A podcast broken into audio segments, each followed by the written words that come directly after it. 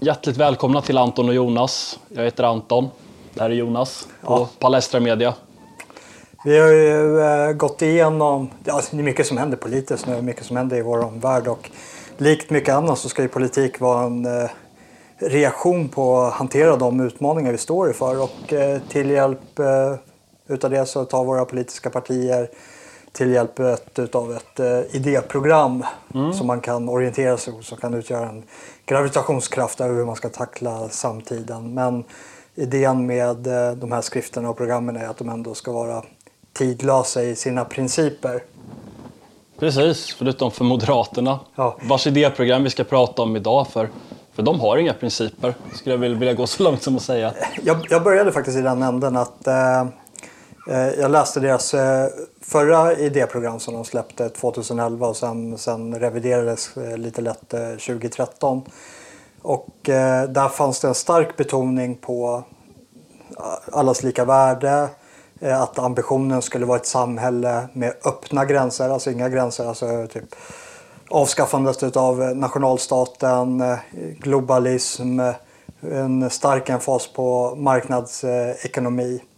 Och eh, när man läser eh, någonting som eh, sk- skrevs för en tid tillbaka för att hantera de utmaningar som samhället stod inför då och man ser det retro, i retrospekt idag så är det en extremt skrämmande läsning över hur ett parti 2011, 2013 kunde formulera ett idéprogram åt det här hållet när det så oerhört tydligt att eh, de här åtgärderna som de eh, satte in, den här politiken som de önskade att föra och eh, det här fullständigt utopiska samhället som de ville skapa är föranledningen till att vi har de problem, inte bara de problem vi hade då, utan har accelererat de problemen vi hade då till den här nästan briserande bomben som vi sitter på idag.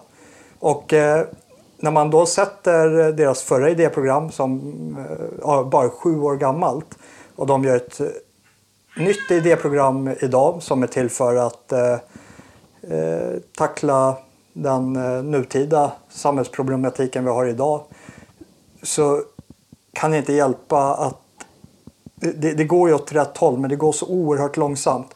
Om de hade släppt det här idéprogrammet som de släppte 2020, 2011 så hade man kanske inte kunnat tagit Moderaterna på någorlunda allvar. Och eh, det, det är ett väldigt naivt program över de samhällsproblem som vi står inför idag. Det är väldigt tydligt att de fortfarande försöker vara den vuxna i rummet och behålla något form av anseende till etablissemanget som de själva utgör utan den här eh, socialliberala eh, liksom eliten som eh, ligger till grund för eh, hela den svenska makteliten eller i hela västerlandet i, i sin helhet.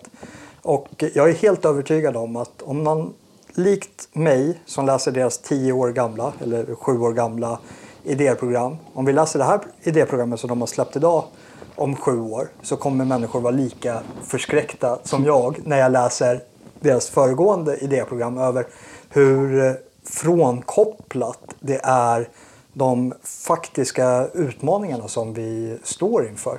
Vet du vad jag skulle vilja säga så här att idéprogrammet från 2011 det var till för att skapa de problem som vi har 2020. Ja. Och idéprogrammet som skrivs 2020 är till för att hantera de problem som skapades av 2011 års idéprogram. Så, så är det. Men med enda liksom, passusen är att det, de lösningar som de presenterar i det här idéprogrammet kommer inte att klara av den magnitud av problem som vi har i det här samhället. Eh, jag vet, inte, vill du börja gå in och dissekera det nuvarande idéprogrammet? Så det jag vill börja med att säga är ju att det, det förra idéprogrammet, där var det ju väldigt mycket fokus på, eh, på mänskliga rättigheter. På, i, inte på Sverige egentligen som stat utan mer Sverige som ingåendes i, i globaliseringsprocessen mer. Som en del av den här föreställda världsgemenskapen som man tycker sig ska finnas. Väldigt mycket fokus på öppna gränser och eh, in, inte så mycket inte så mycket medborgarskap egentligen utan mer, mer just betoning på det här liksom, mänskliga rättigheter-spåret. Det här att vi är liksom alla medborgare i världen. Vi, vi, har liksom alla, eh, vi har alla de här rättigheterna och så vidare. Men det här programmet är lite, det är lite mer eh, lite mer det som brukade kallas för batongliberalism en gång i tiden. Mm. Att man har liksom flyttat tillbaka, man har gjort en liten reträtt där. Att nu, nu pratar man inte om mänskliga rättigheter längre på samma sätt. Utan nu är det mer medborgarskapet som gäller. Utan det är medborgerliga rätter och plikter som gäller. Ja, ja för förra idéprogrammet så var det, det var gränslöst. Det var en fokus på rättigheter. Alla människor, var och en oavsett medborgarskap, har i grunden samma rätt till till exempel fri rörlighet. Mm. Och det är någonting som fortfarande kommer fram, inte lika tydligt i det här idéprogrammet, men omnämns fortfarande som en idealbild att eh, Ja, eh, jag tror det var Benjamin Dosa som skrev i, i eftertexten, man får lägga in en liten eh, passus alla medförfattare över ifall de skiljer sig lite ifrån eller vill förtydliga vart de står i förhållande till idéskriften själv. Då. Att eh, idealbilden är ju den fria rörligheten, att vi ska kunna röra oss fritt över gränserna. Men problemet blir att eh, när vi gör det och vi har ett välfärdssamhälle som bär kostnaden för de här individerna och att det är där konflikten är. Och det är någonting som går som en röd tråd genom det här nya idéprogrammet att den problematik vi har med migrationen den är enkom ekonomisk. Anledningen att eh, invandrare inte har kommit in i det svenska samhället beror på att de inte har kommit in i arbetslivet. Anledningen till att vi har, eh, nu citerar jag lite från, från huvudet här, vad, vad, vad de tillskriver vara etnifierade geografiska utanförskapsområden. Alltså en stark segregering baserad på etnicitet beror på att de här människorna inte har kommit in i arbetslivet. Det finns hela tiden det här återkommandet av att integrationen är önskvärd. Det, det, är nummer ett. Och eh, anledningen varför inte det har lyckats är för att de här invandrarna då inte eh, har blivit insläppta på den svenska arbetsmarknaden. Och det är någonting de skriver också. De betonar väldigt mycket på frihet och marknadsekonomi.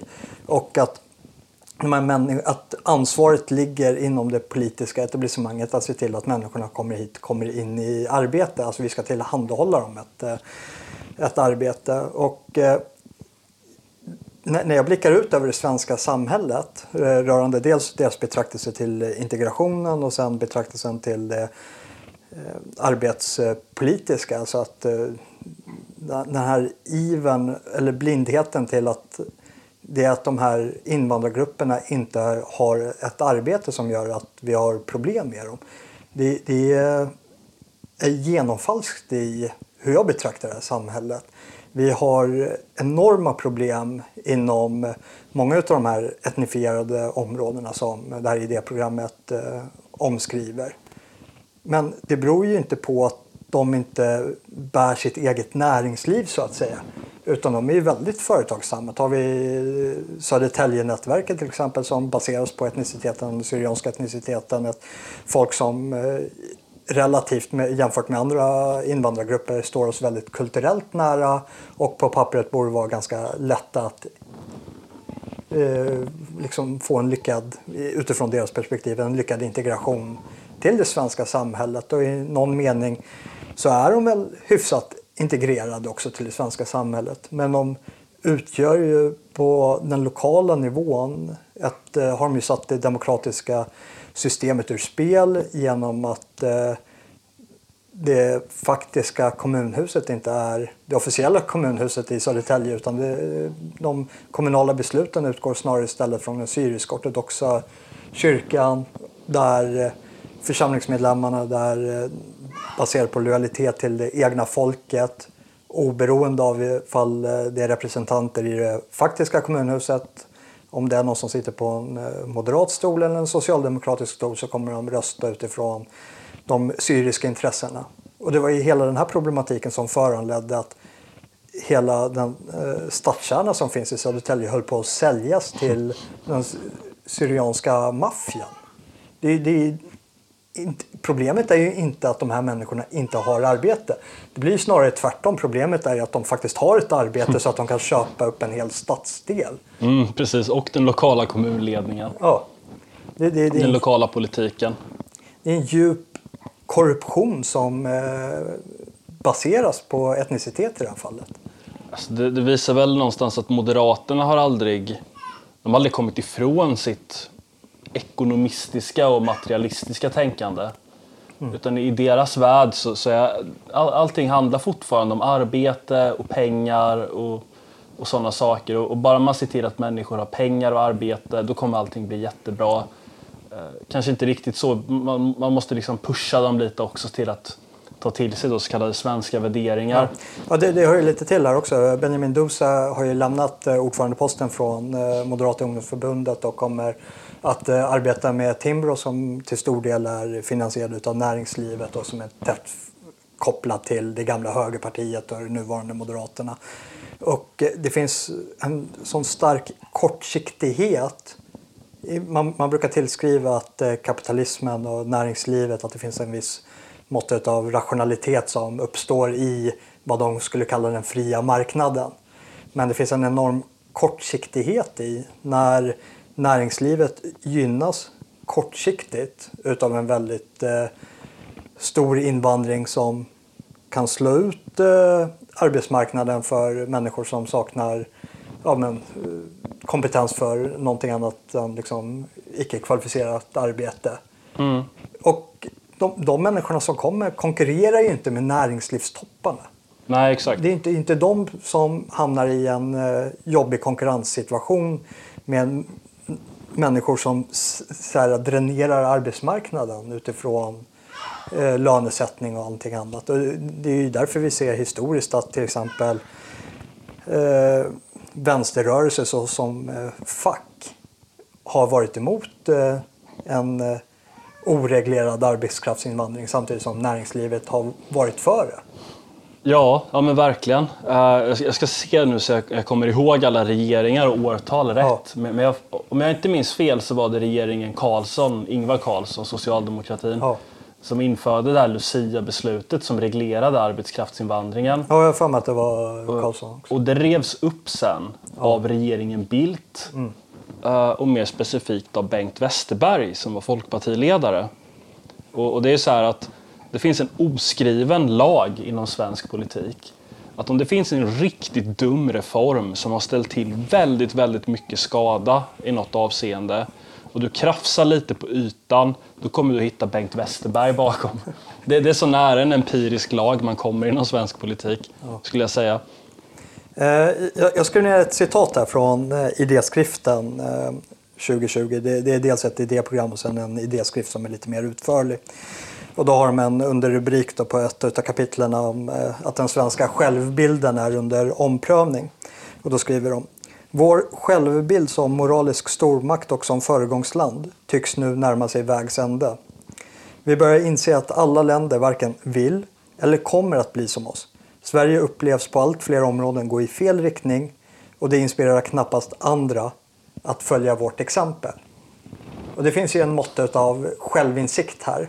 Mm. Och, eh, men jag kan inte hjälpa att uh, sätta det i relation till uh, 2013 års revidering av 2011s idéprogram. Mm. Då de inte bara proklamerar öppna gränser i sann centerpartistisk anda utan de skriver uttaligen, uttaligen att eh, de andra länder som inte bidrar till att hantera flyktingströmmar ska vi utöva påtryckningar för att göra så. Alltså vi vilket vi såg sen i eh, faktisk bemärkelse under eh, de här kritiska åren 2014-2015 hur eh, hela det svenska etablissemanget försökte utöva påtryckningar mot eh, framförallt Ungern mm. till att inom citattecken ta sitt ansvar. Just det. Och det, det, är så här, det är bra att de reviderar de här punkterna. Men det, krävs mer för att eh, liksom komma till rätta med sin egen insats och det egna ansvaret som har föran... Skuld, skulle jag säga. Ja, rakt av. Till, till den skuld som föranligger till att vi, vi har gått till vägs ände på den här självuppfattade verkligheten som vi har befunnit oss i. Alltså Absolut. vi, Sverige, Sverige, svenskarna i bred bemärkelse. Ja men verkligen. Alltså, man, man kan säga att Moderaterna har ju en lång komplicerad ideologisk historia. Att, eh, en gång i tiden så var ju Moderaterna liksom ett nationalistiskt konservativt högerparti. Typ Allmänna valmannaförbundet under amiralen Arvid Lindman som, mm. som väldigt många på typ Heimdal och andra punschkonservativa kretsar gärna blickar tillbaka till. Och sen efter andra världskriget när, när inte bara då fascism och nationalsocialism utan även eh, konservatism och nationalism liksom hamnar, i, hamnar i skuggan och, och liksom har, vad ska man säga, liksom lite skjutits i sank av det som hände under andra världskriget så kan man säga att Moderaterna påbörjar en process av omprövning där de måste hitta sig själva på nytt för det går liksom inte att vara nationalister och konservativa längre på samma sätt. Och, och jag kan förstå det, för, eller till en, viss del, till en viss gräns i alla fall. Men, men det man borde ha gjort var att man borde ha uppdaterat sina tidigare positioner så de hade bättre passat med samtiden. Mm. Men det gjorde man inte riktigt utan istället då så utvecklar man det här som man kallar liberalkonservatism. Där man släpper väldigt mycket av, av det här liksom nationella och konservativa. Och det som blir kvar är ett försvar, då, dels försvar för marknadsekonomi och, och sen ett, eh, en, en, väldigt stark då antipati mot den socialdemokratiska välfärdsstaten. Att det blir vad man försvarar och vad man identifierar sig mot, en sorts alfa och omega i ideologiska termer. Mm. Och sen kan man säga att det händer lite mer saker, det går fram. Eh, Moderaterna stagnerar lite under Carl Bildt och Bo Lundgren. Och sen kommer Fredrik Reinfeldt och då kan man säga att han drar konsekvenserna av hela den här utvecklingen där man har liksom gått bort från, från en typ av konservatism som liksom skulle kunna uppfatta det svenska och se värdet i ett sammanhållet Sverige som inte bara är liksom en del av globaliseringsprocessen och där det finns svenska människor som, ja, men som särskiljer sig från andra kulturer, som har någonting eget och unikt som är värt att bevara. Inte bara något sorts anonymt abstrakt världsmedborgarskap men eh, det som Reinfeldt inför det, det, är liksom kulmen på den här betydligt längre processen. Och det är någonting som idéhistorikern Svante Nordin kallar en kulturradikal nyliberalism. Det vill säga att man släpper inte det här med liksom marknadsekonomi och att man inte gillar välfärdsstaten och sånt. Eh, men man kombinerar det med eh, klassiska, vad man skulle kunna kalla vänsterpositioner. Det vill säga att man verkligen inte uppskattar den egna kulturen på något sätt. Och det öppnar ju upp för saker som massinvandring, fri invandring, att man ser ner på sin egen kultur och sådana där saker. Eh, och det, det, är roligt för Svante Nordin har ju skrivit en bok som, som jag recenserat i en av de här borttagna videorna som vi har upplagt här. Där han skriver då om de här pro, olika stora projekten som har karaktäriserat svensk modern historia. Och det han skriver är att det alla de har gemensamt då, eller det är fem projekt och vad fyra av dem har gemensamt är ju att de liksom handlar om svenskarna på ett eller annat sätt. Det är liksom Sverige som står i fokus. Det ses ju som en självklarhet. Men det femte projektet det handlar ju om dels att gå bort då från folkhemsidéerna eh, men dels att gå bort från själva idén om det svenska. Och, och, det är ju idéer om att man kan ha hur stor invandring som helst egentligen. De, det enda man behöver ta hänsyn till i någon mån är ekonomin. Eh, det finns inget värde i att Sverige är liksom självständigt och suveränt utan vi kan lätt anslutas till olika typer av överstatliga samarbeten. Eh, och det lustiga är att när han skriver om det här skriver han att Reinfeldt spelade vänsterns spel så bra att de, de visste de kunde inte kontra honom. För han la upp alla de här positionerna och de kunde inget säga. Så, så jag tycker att när man, öv, när man överväger Moderaterna idag, att jag menar Reinfeldt avgick 2014, det är fortfarande väldigt nära i tiden. Eh, och nu eh, idag så lägger de fram det här nya idéprogrammet där de reviderar tidigare positioner ganska, på ett ganska avsevärt sätt. Men, men man måste ändå liksom komma ihåg att alltså det, det, är en lång, lång process som har lett fram till den totala katastrofen Fredrik Reinfeldt. Och nu bara några år senare så har Reinfeldts positioner omvärderats av Moderaterna och de gör förnyat anspråk på förtroende. Eh, men, men det jag inte kan se det är hur man, hur man kan ge ett sånt parti förtroende sett till de här historiska omständigheterna och vad som faktiskt har hänt. Ja, det jag ser framför mig, eh, en, eh, jag ser en människa framför mig. Och en människa som behöver säga att de har förändrats, har inte förändrats. Det är som om du har haft en gammal bekant eller en, en släkting som du inte har sett på jättelänge som var väldigt överviktig senaste gången ni träffade dem. Den människan behöver inte säga till dig att den har gått ner i vikt när ni träffas om den har gått ner i vikt. Det är endast någon som lever i självförnekelse till att ha gått ner i vikt när den inte har det som måste pådyvla för sin omgivning. Ja, men kolla på mig, jag är i form nu. Mm. Nej, vi ser på dig. Du är fortfarande mer eller mindre lika tjock som senast vi sågs. Det är, det är ungefär lite den känslan jag får när jag läser det här idéprogrammet. Det, det, det, det är samma människor som sitter i det här partiet som var verksamma och deltog i den politiken som eh, Reinfeldt förde. Reinfeldt är fortfarande en hjälte. Alltså han har hjältestatus i många delar av Moderaterna fortfarande. Mm. Det är så här, för att ta det här partiet på allvar, de behöver göra någon form av reset. De behöver plocka ner den där gudadyrkande porträttet de har från Reinfeldt och liksom typ göra en tydlig avbön, nästan i stil med vad Sverigedemokraterna idag gör över deras 90-talshistoria. Absolut, det, det, det, är inte mer än rätt. Nej, det är ungefär så de ska jagas. Det behöver vara någon form av motsvarighet till David Bas fast från Swebb-TV som eh, går in på moderata kansliet. Ja, men, skrev de öppna gränser här? Du är den här gamla kommentaren i... Eh, står, står du för det? Står du för öppna gränser? det hade faktiskt varit jäkligt roligt. Ja, och Ulf Kristersson får göra avbön. Nej, men det här, det här är ju enskilda haverister som eh, har tagit egna initiativ. Det här, vi, vi har grävt ner det här problemet och vi vill inte veta av det. Och är det någon som fortfarande står för det så får de söka sig till Centerpartiet eller Miljöpartiet. Precis, det får liksom så här vara du vet, de här försöken till historierevisionism där det är någon som går upp på en scen typ så här, oh, det, var, det fanns personer i Moderaterna på den här tiden som ville ha fri invandring men de var inte dominerade, det var några enstaka knäppskallar. Ja. Ungefär som SD brukar säga om att nazister då skulle ha varit med och grundat partiet eller ja. något sånt där.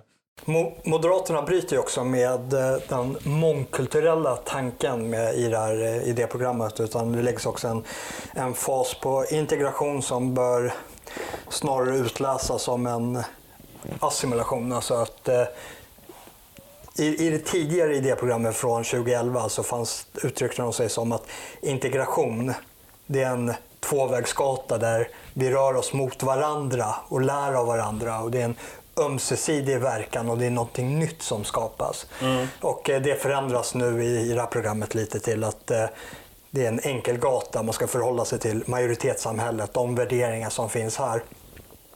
Och eh, jag motsätter mig kraftigt att det här är lösningen på de problemen som eh, vi har i vårt samhälle idag. Eh, vi har, eh, för att ta någonting som befinner sig i ytterläge här i Sverige, så har vi så kallade islamistiska friskolor. Mm. Det här är ju skolor som under det här idéprogrammet kommer få stänga ner och barnen kommer att flyttas över till våra barnskolor. Det vill jag inte. Jag vill inte att de där barnen går tillsammans med mina barn i skola. Helst av allt så skulle jag inte vilja att de ens var här. Men är de här, då vill jag inte att de går tillsammans med våra barn. Då vill jag att de håller sig för sig själva. Och eh, det är en eh, intressant eh, poäng som Sonesson lyfter fram, Den moderata starka mannen i Staffanstorp. Just det, vad heter han? Jäklar, jag har glömt bort namnet. Men, men, ja, just det, Sonesson. Ja. Eh, och eh, de har infört ett eh, slöjförbud på, i förskolan upp till grundskolan till någon viss ålder. Jag vet inte var brytpunkten går. Och det, det blir som att man kamouflerar eh, inom citattecken sin fiende. Man, man, vet inte vart man har människor. Jag vill veta vart problemen är. Jag vill gärna veta vad, hur man, människor ställer sig till olika frågor, vad de har för värderingar så att jag kan anpassa mitt egna beteende utifrån de människor jag har runt omkring mig. Och det är ju lite den situationen vi har i Sverige i helhet när det kommer till till exempel den Sverigevänliga rörelsen. Nu börjar vi bli en dominant kraft i det svenska samhället så att det börjar bli tydligt vart vi har oss. Men bara för några år sedan så kan det ju varit socialliberala sammanhang där det fanns Sverigevänner som de här människorna inte visste om på grund av att det, det var som tabu att prata om det. Så de, var, Socialliberalerna var, ville inte umgås med Sverigevänner. Inte överhuvudtaget. Och fick de reda på att det fanns någon Sverigevän där så skulle de inte umgås med den. Men resultatet av deras sätt att bedriva politiken var ju att de umgicks med Sverigevänner utan att veta om att, det var, att de umgicks med Sverigevänner. Jag vill inte hamna i en sån sits med islamister.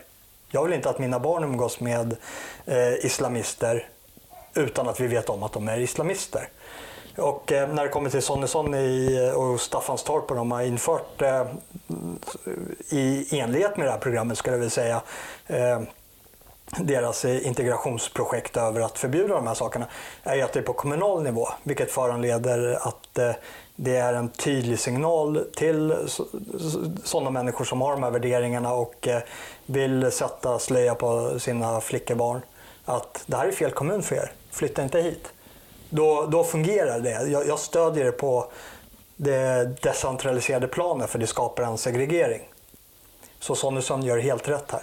Men om det här blir moderat politik utifrån regeringsställning över hela landet, ja, men då försvinner ju den kontrollfunktionen. För deras uttalande ambition i det här programmet, det är att det är fler sådana här människor som ska komma hit till Sverige. Mm. Inte mindre.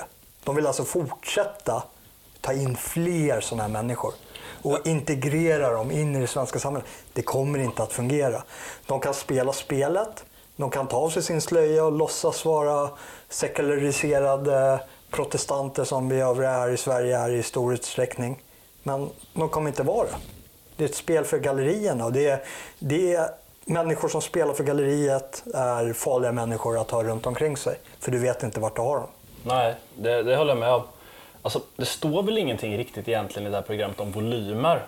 Nej, utan de uttrycker sig försiktigt med att eh, volymerna ska anpassas utifrån vad vi klarar av. Och redan där är det ju fel, fel frågeställning.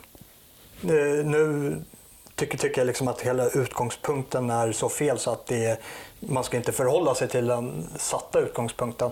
Men utgångspunkten är ju att utifrån det här programmet är ju att vi har ett ansvar att ta hand om människor från Mellanöstern, från Afrika som inte bara flyr från krig och kaos som de beskriver utan även från klimathot och allting annat. Alltså idén om den fria rörligheten lever i det här programmet. Men det baseras inte på den individuella människans rätt att förflytta sig över gränserna utan det baseras på vårt svenska samhällets förmåga att integrera dessa människor. Så mängden, volymen, baseras enbart på hur många vi klarar av. Och Mm. hur många klarar vi av? Det är det är liksom, vi, vi har passerat den gränsen. Det är ju väldigt, eh, framförallt en väldigt subjektiv fråga. Ja, menar, det är en värdefråga. vad, det är, vad man klarar av. Jag menar så här, frå, bara för att ta liksom, relatera till något annat. Jag menar, frågar du, frågar du en Svensson så kanske han klarar av att träna på Friskis och Svettis tre gånger i veckan. Frågar du en fallskärmsjägare så kanske gränsen för vad han klarar av är att springa milen med brutna ben. Alltså liksom vad ett samhälle klarar av, det blir så diffust och ospecifikt så det kan nästan betyda vad som helst. Och sen skulle jag vilja säga någonting om det här att eh, ibland när folk pratar om ett mångkulturellt samhälle så verkar de nästan som att eh, det förutsätts att eh, eh, det, det hänger samman med att om man är en mångkultur då har man en stor invandring också. Men, men så är det faktiskt inte. Jag, jag kommer ihåg 2011 när jag för övrigt, eh, eller 2012 kanske, jag minns inte. Jag tror det var 2012. Nej, 2011 var, nej, skitsamma. 2012 eller 2011. Ja. Då, då läste jag Moderaternas idéprogram första gången. För då skrev jag en biuppsats i statsvetenskap som hette Hegemoni i Sverige. Ja. Där, vi liksom tittade på hur partierna ställde sig till eh, mångkulturalism och, och sådana där saker. Och det, det jag upptäckte då var ju att när man tittar på de här begreppen, eh, integration, assimilation, mångkulturalism och så vidare, det är ju att eh, i liksom en mer strikt akademisk mening så har de ju en annan betydelse än när vi liksom bara kastar runt dem i debatten. Att vad ett mångkulturellt samhälle betyder är liksom att man, man har ett majoritetssamhälle och så kan det finnas minoriteter som det har funnits i Sverige under 1900-talet. Att det alltid funnits en liten minoritet av eh, eh, samer, judar, finnar, något mer liksom romer kanske. Och sådär. Vad en mångkulturell politik innebär det är att de här grupperna ska uppmanas att bejaka sin identitet. Det är faktiskt vad det betyder när man talar, när man, när man pratar på 70-talet om ett mångkulturellt samhälle, då är det faktiskt vad man menar att de här grupperna som redan finns i landet, eh, de ska, de ska få fortsätta vara som de är, det vill säga det är en förlängning på den här gamla lapp ska vara lapp-politiken som man bedrev i Norrland för länge ja. sedan. Och jag menar, det i sig, om det nu var så att Sverige fortfarande var ett liksom kristallklart majoritetssamhälle som det var på 70-talet, då skulle inte jag ha något emot det. För, för jag menar, ifall, ifall samhället i sin helhet är i sin ordning, då, då rör det ju inte mig om liksom, judar får vara judar och bejaka sin identitet, eller finnar får vara finnar. Det rör ju inte mig egentligen. Jag har ju liksom inget behov av att assimilera de här människorna. Men när man liksom tittar på, nu, nu är det ju liksom, nu har situationen roterat så det liksom blir en helt annan det blir en helt annan typ av eh, det, går, det går inte att prata om det på samma sätt för politikerna har ju förändrat hela samhället på 40-50 år till oigenkännlighet från vad det var på 70-talet. Det är en process som har gått i en bisarrt accelererad, en bisarrt accelererad snabbhet. Men nu, nu pratar man ju här om integration då. Och det som liksom blir är ju att den här integrationen blir ju någon sorts revolution från ovan på något sätt. Det vill säga att... Eh, ja, det är inget som är önskvärt eller eftersträvansvärt på, på den lokala decentraliserade nivån. Nej. Eller det bredare folket. Och det, det är här, för, för jag håller med dig om liksom utgångspunkten över det är klart att vi kan låta samer vara samer. Det är, det är ju helt bisarrt i ett majoritetssamhälle som är Sverige, där svenskar bestämmer och vi har en liten minoritet samer, att sparka in dörren på de här lappkåtorna och fråga vart deras röda falustugor är med vita knutar. Och, Ge dem röstkort i sossarna och sådär. Ja, men det, det är klart att de ska få vara som de själva är. Och hela den här assimileringspolitiken, det är ju ett, typ ett desperat försök att eh, återskapa eller liksom få en känsla av att vi fortfarande är i majoritetsställning. Mm. Alltså en sån sista livlina till att ja, men vi är alla svenskar, vi byter ut oss själva mot oss själva. Och det, det är ändå vi som bestämmer, det är ändå vårt land, det är våra värderingar. Men nej, de här värderingarna kommer ändras med eh, de demografiska förändringarna vi ser. Alltså man måste alltid anpassa de politiska begreppen efter vad som händer i samhället. Men om det var så, så att det liksom är, var så som det har varit i Sverige, att men säg att Sverige var idag var som det var på 1970-talet, det vill säga ett majoritetssamhälle där det, liksom, det, det är självklart att man är svensk. Och sen säga att det är någon som åker ut och reser i världen och, och, träffar en partner i, i Kina eller i Brasilien eller vad det nu kan vara och tar med den tillbaka till Sverige. Ja, men då kan det ju vara en bra idé att den personen assimileras och lär sig svenska och liksom känner sig så hemma i det svenska som, som, som de bara kan liksom, när de ändå ska leva här. Men det, nu har vi ju gått i ett läge där, där det, liksom inte, det handlar inte om de här individuella fallen längre, eller de, liksom den här, de här små grupperna av människor som det berör, utan nu handlar det ju om massiva folkomflyttningar på hundratusentals människor. Lyssna Eh, jag har skrivit ner det till citat, jag scrollade lite utav lite eh, utklipp som jag tagit från idéprogrammet. Och du är inne på, på vad som låter som din slutsats, att vi kommer komma till väldigt enkla lösningar på de här svåra problemen. Det är massa människor som har kommit hit på väldigt kort tid och hur vi ska hantera det. Och eh, de skriver så här på sida 16. De enkla och populistiska svaren på vår tids svåra frågor utövar en naturlig lockelse men undergräver långsiktiga hållbara lösningar. Vet du vad, jag skulle vilja ta ett citat här. Och jag, jag gillar ju H.L. Mencken väldigt mycket. Och han hade ett, ett av många bevingade citat. Att på, han sa att på varje, eh, på, varje komplex, på varje komplext problem så finns det en lösning som är enkel, lättillgänglig och fel. Men jag skulle säga att när det gäller politik och väldigt mycket annat så är det motsatsen som gäller. Det vill säga att på varje enkelt problem så finns det en lösning som är komplicerad, låter rimlig och är totalt fel. Ja. Och det är lite så det är här också. Jag tycker det där sammanfattar hela idéprogrammet ganska väl. Hela idéprogrammet är de uttrycker en förståelse för de faktiska samtidsproblemen vi har i det här samhället. Det gör de. De är medvetna om de problemen vi har. Men de är för fega för att presentera de faktiska lösningarna. Jag tror inte att någon som har skrivit under på det här programmet faktiskt tror att det de har presenterat här är lösningarna på de problemen som de lägger fram. Det är eh, antingen karriärister som hade idag, om vinnarna hade varit annorlunda, skrivit under 2011 års program idag om det hade gynnat deras karriär. Utan tvekan. Eller så är det människor som förhåller sig, människor i bred bemärkelse, vi alla gör det, vi förhåller oss till vår egna omgivning och hur bred den omgivningen är och vilka olika sociala kontexter vi existerar i. Det moderata partiet existerar i en borgerlig kontext, de eh, har fortfarande nära kopplingar till Liberalerna, till Centerpartiet, som eh, samarbetar med Socialdemokraterna och Miljöpartiet understödda av vänstern. Och det var bara ett år sedan som Moderaterna själva var med och stängde ut Sverigedemokraterna från politiskt inflytande tillsammans med Socialdemokraterna. Inför förra valet så spekulerades i, ska vi se en bred politisk överenskommelse mellan Moderaterna och Socialdemokraterna i Sverige? Det är den sociala kontexten som de här människorna befinner sig i. Och de förhåller sig till den sociala kontexten. Och därför vågar de inte prata klarspråk om de problem vi befinner oss i. Eller lösningarna på de problem som vi befinner oss i. Nej, Nej men verkligen. Eh, det, det, det är så mycket här. Dels så tror jag helt som du att det handlar om opportunism. Jag tror att väldigt många, jag, tror att, jag skulle tro att alla som är med på det där och har undertecknat det där idéprogram, idéskriften, de vill på sitt CV kunna skriva att de har varit med och utformat Moderaternas politik. Ja. För när de sen söker jobb på en PR-byrå eller en advokatbyrå. Eller, eller näringslivet då, som står dem nära. Ja, ja men precis. Då, då kommer det här vara en väldigt fin fjäder i hatten.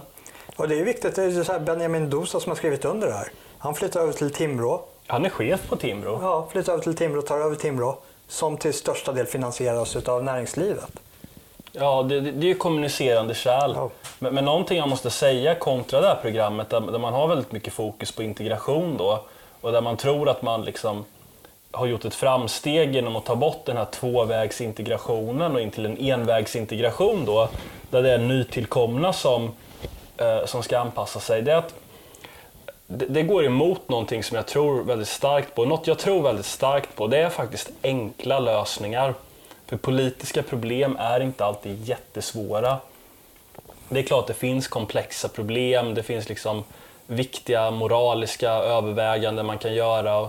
Om man ska liksom gå in och peta i konkret lagstiftning och transfereringar, det är klart det kan bli komplext. Det är inte så att jag är blind för det, men i vissa fall så tycker jag att när man, när man sätter en massa överdrivet utbildade personer på saker, då, då blir det väldigt, väldigt svårt för dem att bara tänka på den mest enkla och rimliga lösningen. Jag menar att om det är så här att man har en väldigt, väldigt stor invandring till ett land som under i princip hela sin historia har varit homogent och där man liksom inte haft stora folkvandringar utan man har haft små grupper av invandrare som har kommit under, under en begränsad period i begränsat antal och sen ofta och, och faktiskt åkt hem som vallonerna till exempel när deras för, förvärv var, var färdigrättat. Då, då, då åkte man tillbaks men om man ser att om man har det här och man ser att det skapas massiva samhällsproblem på alla nivåer. Att det blir problem med arbetsmarknad, det blir sociala problem, det blir kulturella problem. Det blir eh, problem som har med, med brottslighet att göra, allting. Vore inte då den enklaste, mest lättillgängliga eh, lösningen på det här att bara sluta av den här typen av invandring? Det kan man ju tycka. Det, det är ju någonstans där, om man ska använda sig av Ockhams rakkniv så är det ju där man hamnar. Men de här människorna klarar ju inte av det utan de vill ju ha komplicerade lösningar på enkla problem. Så istället för att bara göra någonting åt grundorsaken, det vill säga volymerna, så går man istället in på och liksom bygger upp någon sån här komplex plan för hur en integration ska gå till. Hur nu det ska gå till. Jag menar, jag läste, det finns en statsvetare som heter Francis Fukuyama som är världs, ett världsnamn. Det var han som myntade det här begreppet historiens slut och så vidare. Och han skrev en bok på det här temat för inte så länge sedan som heter Identity Politics. Som handlar just hur man, hur man ska kunna integrera människor från tredje världen in till att de ska acceptera västerländsk modernitet. Så de inte kommer utgöra ett problem. Och det han föreslår egentligen, om man ska liksom se det krast, det är ju massiv indoktrinering. Och det är ju att alla de här människorna som ska komma hit, de ska ju drillas stenhårt i, eh, i Sverige, i Sverige då, svenska värderingar. De ska drillas stenhårt i de här värderingarna. Det är enda sättet. Massiv statlig indoktrinering. Jag menar, det är liksom som, som någon som inte gillar staten jättemycket så, så ryser man ju när man hör det där. Jag menar, det, det... Ironin är ju att Moderaterna i det här idéprogrammet och det förra idéprogrammet är väl det som går gemensamt och som är väldigt uttalat och det är just den här begränsade staten. Mm. Att den ger sken av en form av individualism och att eh, vi ska vara befriande från staten i vår privata sfär till att kunna utvecklas. Och där har du ju ett motsatsförhållande som heter duga. Ja men verkligen. Jag menar titta bara på hur man, hur man själv tar till sig kultur. Jag menar sånt som trycks ner i halsen på en, det tar man ju inte till sig. Utan jag menar de flesta normala människor som, som är liksom hemma och är bekväma i sin egen kultur, det är ju någonting man har fått under sin uppväxt och som man känner sig väldigt hemma i.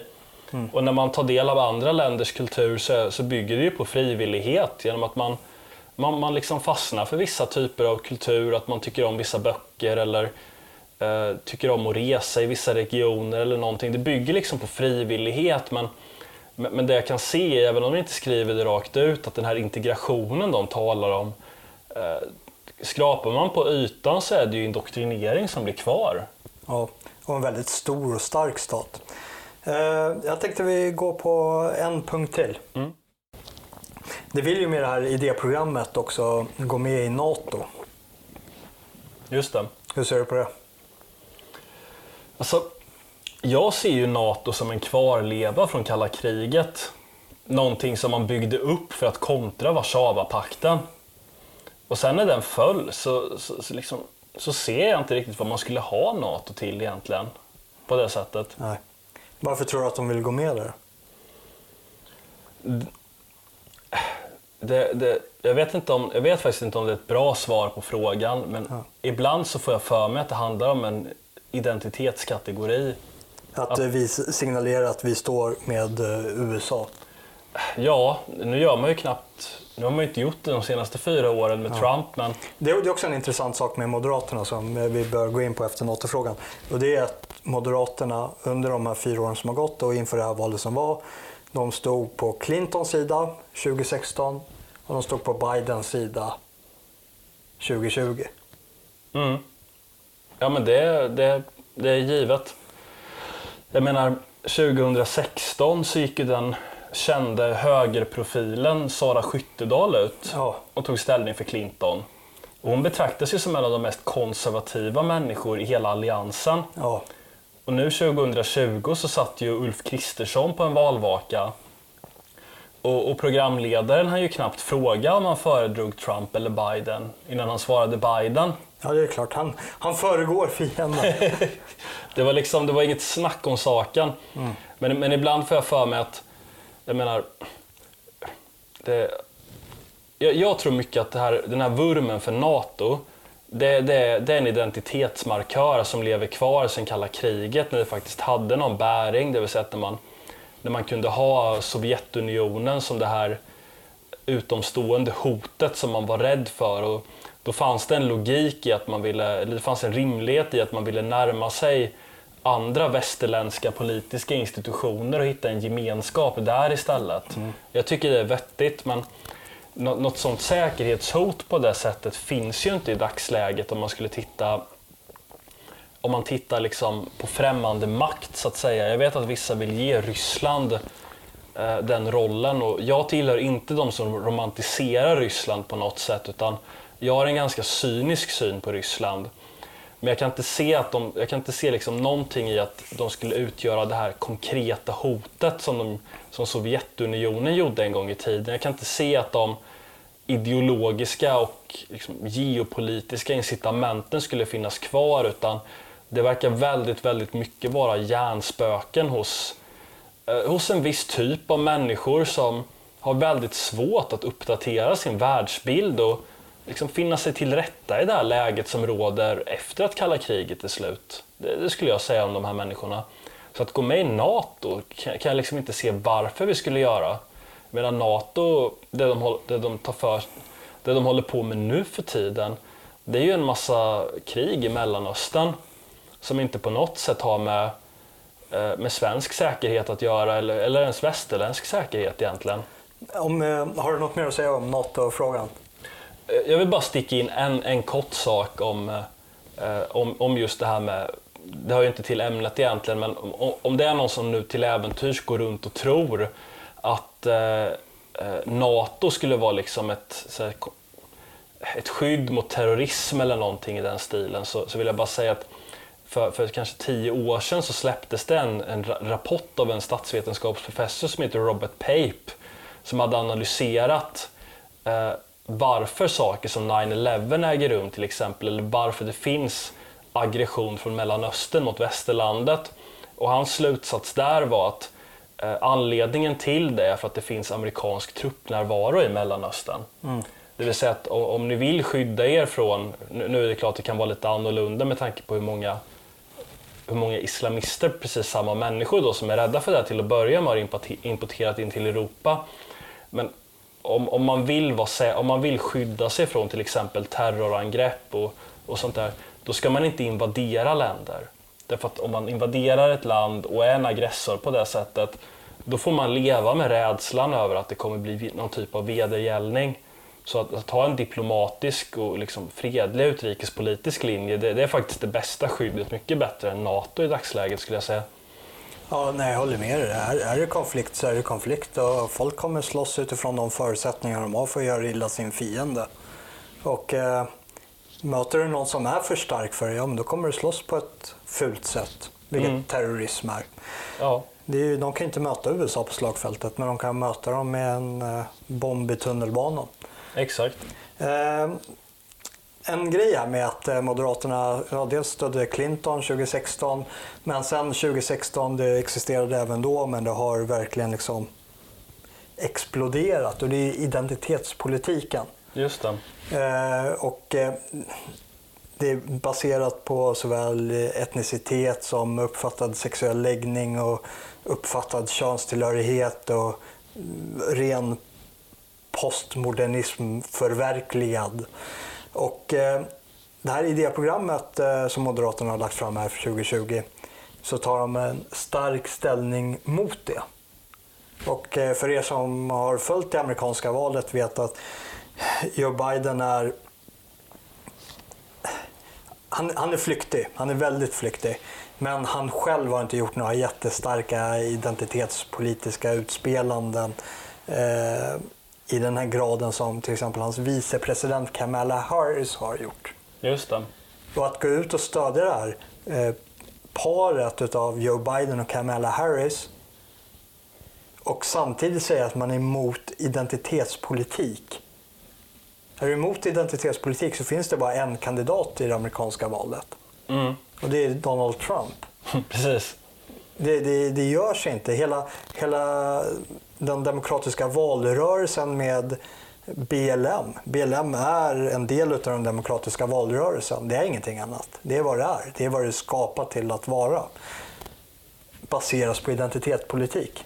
Mm. Och sen här i Sverige då har vi ett parti som går ut och ger sitt stöd för Demokraterna och säger, säger samtidigt att ja, men identitetspolitiken är skadlig för inte bara Sverige utan för hela västerlandet och hur vi betraktar det politiska. Varför? Jo, för att det går emot eh, det enda som Moderaterna verkar bry sig om i det här idéprogrammet, individen. Det går emot individualismen, att människor bedöms utifrån sitt kollektiv istället för den människa som de är. Mm. Ja, men det förvånar, förvånar inte mig egentligen. Jag kan ju säga att jag kan tycka så här att identitetspolitik till en viss nivå är ju faktiskt rimlig. Mycket rimligare än motsatsen. Jag menar, det, det som Moderaterna och liknande personer vill köra det är ju någonstans att ja, men vi är alla liksom små individer som är universum i oss själva. Vi har ett förnuft som vi liksom utforskar världen med och som vi fattar konkreta, rationella politiska beslut utifrån. Men, men så är det ju inte riktigt utan även de kollektiv vi tillhör är ju också en del av vilka vi är och en del av våra preferenser. Och jag menar, jag röstar ju utifrån en identitet, det vill säga som svensk. Mm. Och sen är det klart att det finns andra personer som har andra identiteter som är viktiga för dem. Det vill säga att de, de kan se på sig själva som en, eh, som en minoritet i ett majoritetssamhälle eller som någon, någon, sexuell minoritet i ett, i ett läge där deras preferenser inte är de som är normerande och så vidare. Att, jag menar de här sakerna kan ju vara viktiga för våra politiska beslut och det här är ju inte nytt egentligen utan jag kommer att tänka på den, den kände tyske filosofen Fichte som sa att du väljer filosofi utifrån vad du är för människa. Och det är också någonting som är, mm. ligger i det här. Det vill säga att du väljer din politik utifrån vad du är för människa. Det är ju inte jättekonstigt egentligen. Men, men samtidigt så, så, är det ju inte riktigt så identitetspolitik ser ut i praktiken. Utan det, det som är är ju liksom de här, de här väldigt aggressiva och våldsamma rörelserna som, som har att göra med, med BLM till exempel. Och det är ju de som Moderaterna vill markera emot, att de gör ju inte liksom några riktiga distinktioner kanske på det sättet som jag gör här, men, men jag håller med om det till 100 procent. Att det känns lite som en retorisk gest, att man bara, ja men jag är emot identitetspolitik. Ja men varför då? Ja, men för att det förväntas. Därför att om man är ett borgerligt parti i Sverige 2020 så är det så man ska säga. Men, men det blir ju verkligen, det där mynnar ju ut till noll och ingenting om man samtidigt utan vidare stödjer Demokraterna i USA. Jag menar Black Lives Matters skapades ju under Obamas ledning. Säga, BLM gick ut på gatorna under en tid när USA hade en svart president. Sen låg det i träda ett tag och sen kom det tillbaks. Så redan när Sara Skyttedal föredrog Clinton framför eh, Trump så var BLM redan ett faktum. Ja, man, man brukar ju tillskriva mänskligt beteende inom det politiska till, man kan ju använda lik, lite olika analysverktyg och det är ju intressen, alltså dels egna intressen men också kollektivintressen, Sveriges intressen, identitet, vi agerar utifrån identitet och vi agerar utifrån våra egna maktambitioner. Och det, det är där det blir lite intressant för det här idéprogrammet är ju, eh, existerar en del motsägelser. Dels den här som ja, vi lyfter nu mellan att ja, de motsäger sig den här identitetspolitiken samtidigt som de ger ett uttryckligt stöd för demokraterna i, i USA, vilket de inte gör i programmet, utan, men det, det är vad de gör i faktisk bemärkelse. Men det är också att de går in på den svenska identiteten i programmet. De pratar om den svenska självbilden som vi citerade tidigare. Och, men de går också in på någonting som du har varit inne och pratat om väldigt mycket och som du har skrivit mycket om. Och det är att den här berättelsen som behövs levas ut, att vi behöver en ny berättelse. Men vad är att leva en berättelse om inte betraktelsen till sig själv utifrån ett identitetsperspektiv? Mm. Jo, jag håller med. Jag tycker så, så är det ju verkligen. Jag menar, det är ju liksom... Alltså, den personen som skrivit bäst om det här och som jag har lärt mig väldigt mycket av, det är ju en statsvetare i Lund. Eller han är väl inte kvar där längre, jag vet inte var han är idag, men, men det måste ju vara en av de absolut bästa i Sverige, en person som heter Erik Ringmar. Och, och han har ju skrivit om det här och, och, och han kallade det för a narrative, narrative theory of action. Det vill säga att berättelse som någonting som motiverar handling. Och det han skriver om är ju eh, 30-åriga kriget och, och Sverige, varför Sverige väljer att inträda i, i, i, en konflikt som vi lika gärna hade kunnat stå utanför. Och han, han menar ju att det handlar ju väldigt mycket om den berättelse som låg eh, latent i Sverige just då. Det vill säga berättelsen om Sverige som en stormakt. Och om man har en berättelse då vill man ju leva ut den och man vill ju framförallt försvara den och visa att den är sann, att den mm. inte bara är en, en fiktion. Ja, man lever upp till sin berättelse. Ja, det... Vilket är också viktigt för att, att, att, ha en bra berättelse som är värd att leva upp till. Och då kommer jag tillbaka till ens rötter, ens kulturarv. Alltså det, det, det vi utgår ifrån. Det som alla de här individualisterna inom Moderaterna avskyr. Att man tar en stolthet hos de som har varit eh, innan oss, som har föregått oss. Och eh, gör man det, ja, men då måste man ju vårda det arvet också. Och vårdar man ett arv, ja, men då gör man inte vad som helst med det. Då öppnar man inte gränserna hur som helst. Nej, och, framförallt så måste man ju eh, hålla en viss liksom, klarhet i tanken att om man nu är totalt emot identitetspolitik då verkar det ju märkligt att man vill, liksom, vill förbättra Sveriges politiska läge genom att formulera en ny berättelse. Vilket ju är liksom själva definitionen av identitetspolitik. Ja. Att man liksom har det här berättelseperspektivet. Ja, så det, det fanns några motsägelser i det där programmet. Eh, vill du sy ihop säcken och... Eller sn... lägga... Alltså, mina avslutande ord blir väl bara att det, det här är ju ett, eh, ett trevande försök att komma bort från, från Reinfeldt-eran. Eh, att, att, jag, jag tror man, man vet det, att man har skämt ut sig grundligt och man, eh, man, man tycker det är oerhört pinsamt att det, att det som hänt under Reinfeldt hände. Och man vill orientera sig bort, mot den här kulturrad, bort från den här kulturradikala nyliberalismen som Reinfeldt stod för. Eh, men, men man kan ändå inte, man kan liksom inte rakt av eh, ta efter Sverigedemokraterna och verkligen liksom ansluta till idéer om det svenska och, och sånt där. Det, det är man inte beredd till, det, det vill man säkert inte internt heller. Utan då är det det här som blir eh, kompromisskandidaten. Att då talar man om integration, att människor ska fortsätta komma hit i hög utsträckning men de ska på något sätt anpassas till det svenska samhället och sådana där saker. Det, det, jag tycker det är en ganska, det är en ganska rimlig prolog på något sätt till eh, Reinfeldts styre och, och ett försök att, eh, att ta sig vidare. Men det, det enda sättet egentligen för Moderaterna att ta sig vidare och visa att de har gått vidare från Reinfeldt, det är inte att släppa en sån här sak. Utan att det är att en gång för alla, konkret och i praktiken, göra upp med Reinfeldt och det är att släppa alla ambitioner på samarbete med Miljöpartiet och eh, Socialdemokraterna. För att de är radikala vänsterpartier och det är helt sinnessjukt uppriktigt sagt att Moderaterna har samarbetat med dem. Och, och det enda som är framför dem ifall de vill bevisa det här, det är, också, det är att de, de bildar det här konservativa blocket tillsammans med Sverigedemokraterna och Kristdemokraterna eh, och faktiskt bedriver någonting som liknar en konservativ politik. Det, det är vad jag har att säga om, om det. Ja, hur tänker du? Eh, jag, jag tänker att det där var så bra slutord så jag, jag stannar nog gärna med, med det. Ja, härligt. Ja, Tack. grymt. Tack för att ni har lyssnat och så syns vi till eh, nästa avsnitt. Ja, men tack så mycket.